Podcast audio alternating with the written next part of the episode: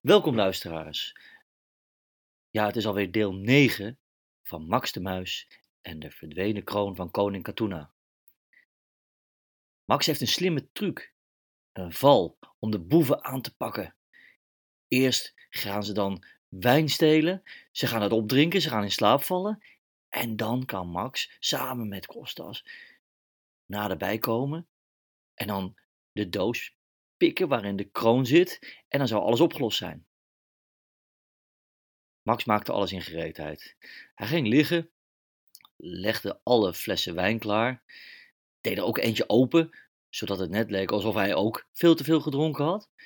En ja hoor, in de verte hoorde hij de rauwe stemmen van de boeven. Ze maken altijd veel lawaai. Ze dachten, ja, we zijn toch in de, milde, in de wildernis. Ja, logisch. Ze kwamen dichterbij en dichterbij en zelfs onze superheld werd toch een beetje zenuwachtig. Hmm, zou het werken?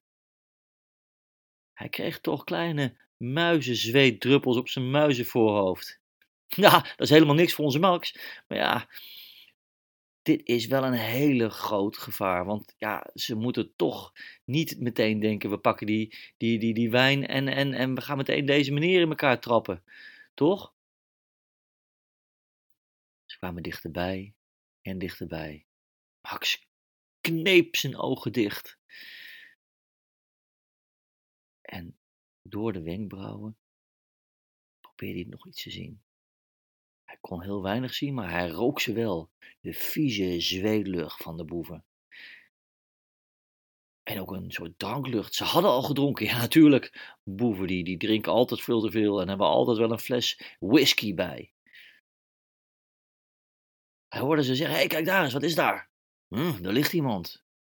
Daar ligt iemand met, met, met, met, met, flessen wijn. Dat hadden ze al meteen in de gaten. Ze liepen dichterbij en gaven Max een trap. Bam! Hij rolde opzij. Hij deed net alsof hij zodanig veel gedronken had dat hij niet wakker werd. Hij kreunde een beetje. Ha! De boeven moesten wel lachen. Nou, deze heeft ook genoeg gehad. Daar hoeven we niks meer aan te doen. Maar kijk eens, jongens. Wat een lekkere flessen wijn. Nou, dat gaan we meenemen. Ze gooiden alle dozen op de ezels. Gaven toch nog een keer een trap aan Max. Bam! Ha, vinden we ze leuk. Max kreunde een beetje, maar deed net alsof hij bleef slapen. Hij telde de boeven en het waren er drie, vier. Ja, vier. Ja. Vier boeven, twee ezels.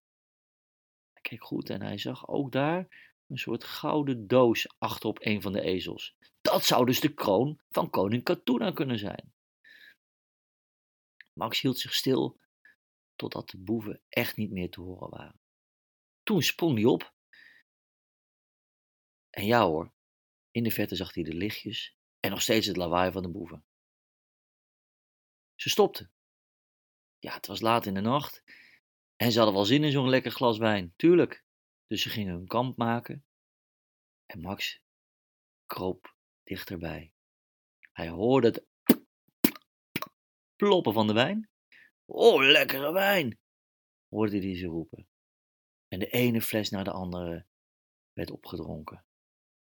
De boeven gingen al heel snel liggen en na een paar minuten was er het harde gezaag van hun gesnurk.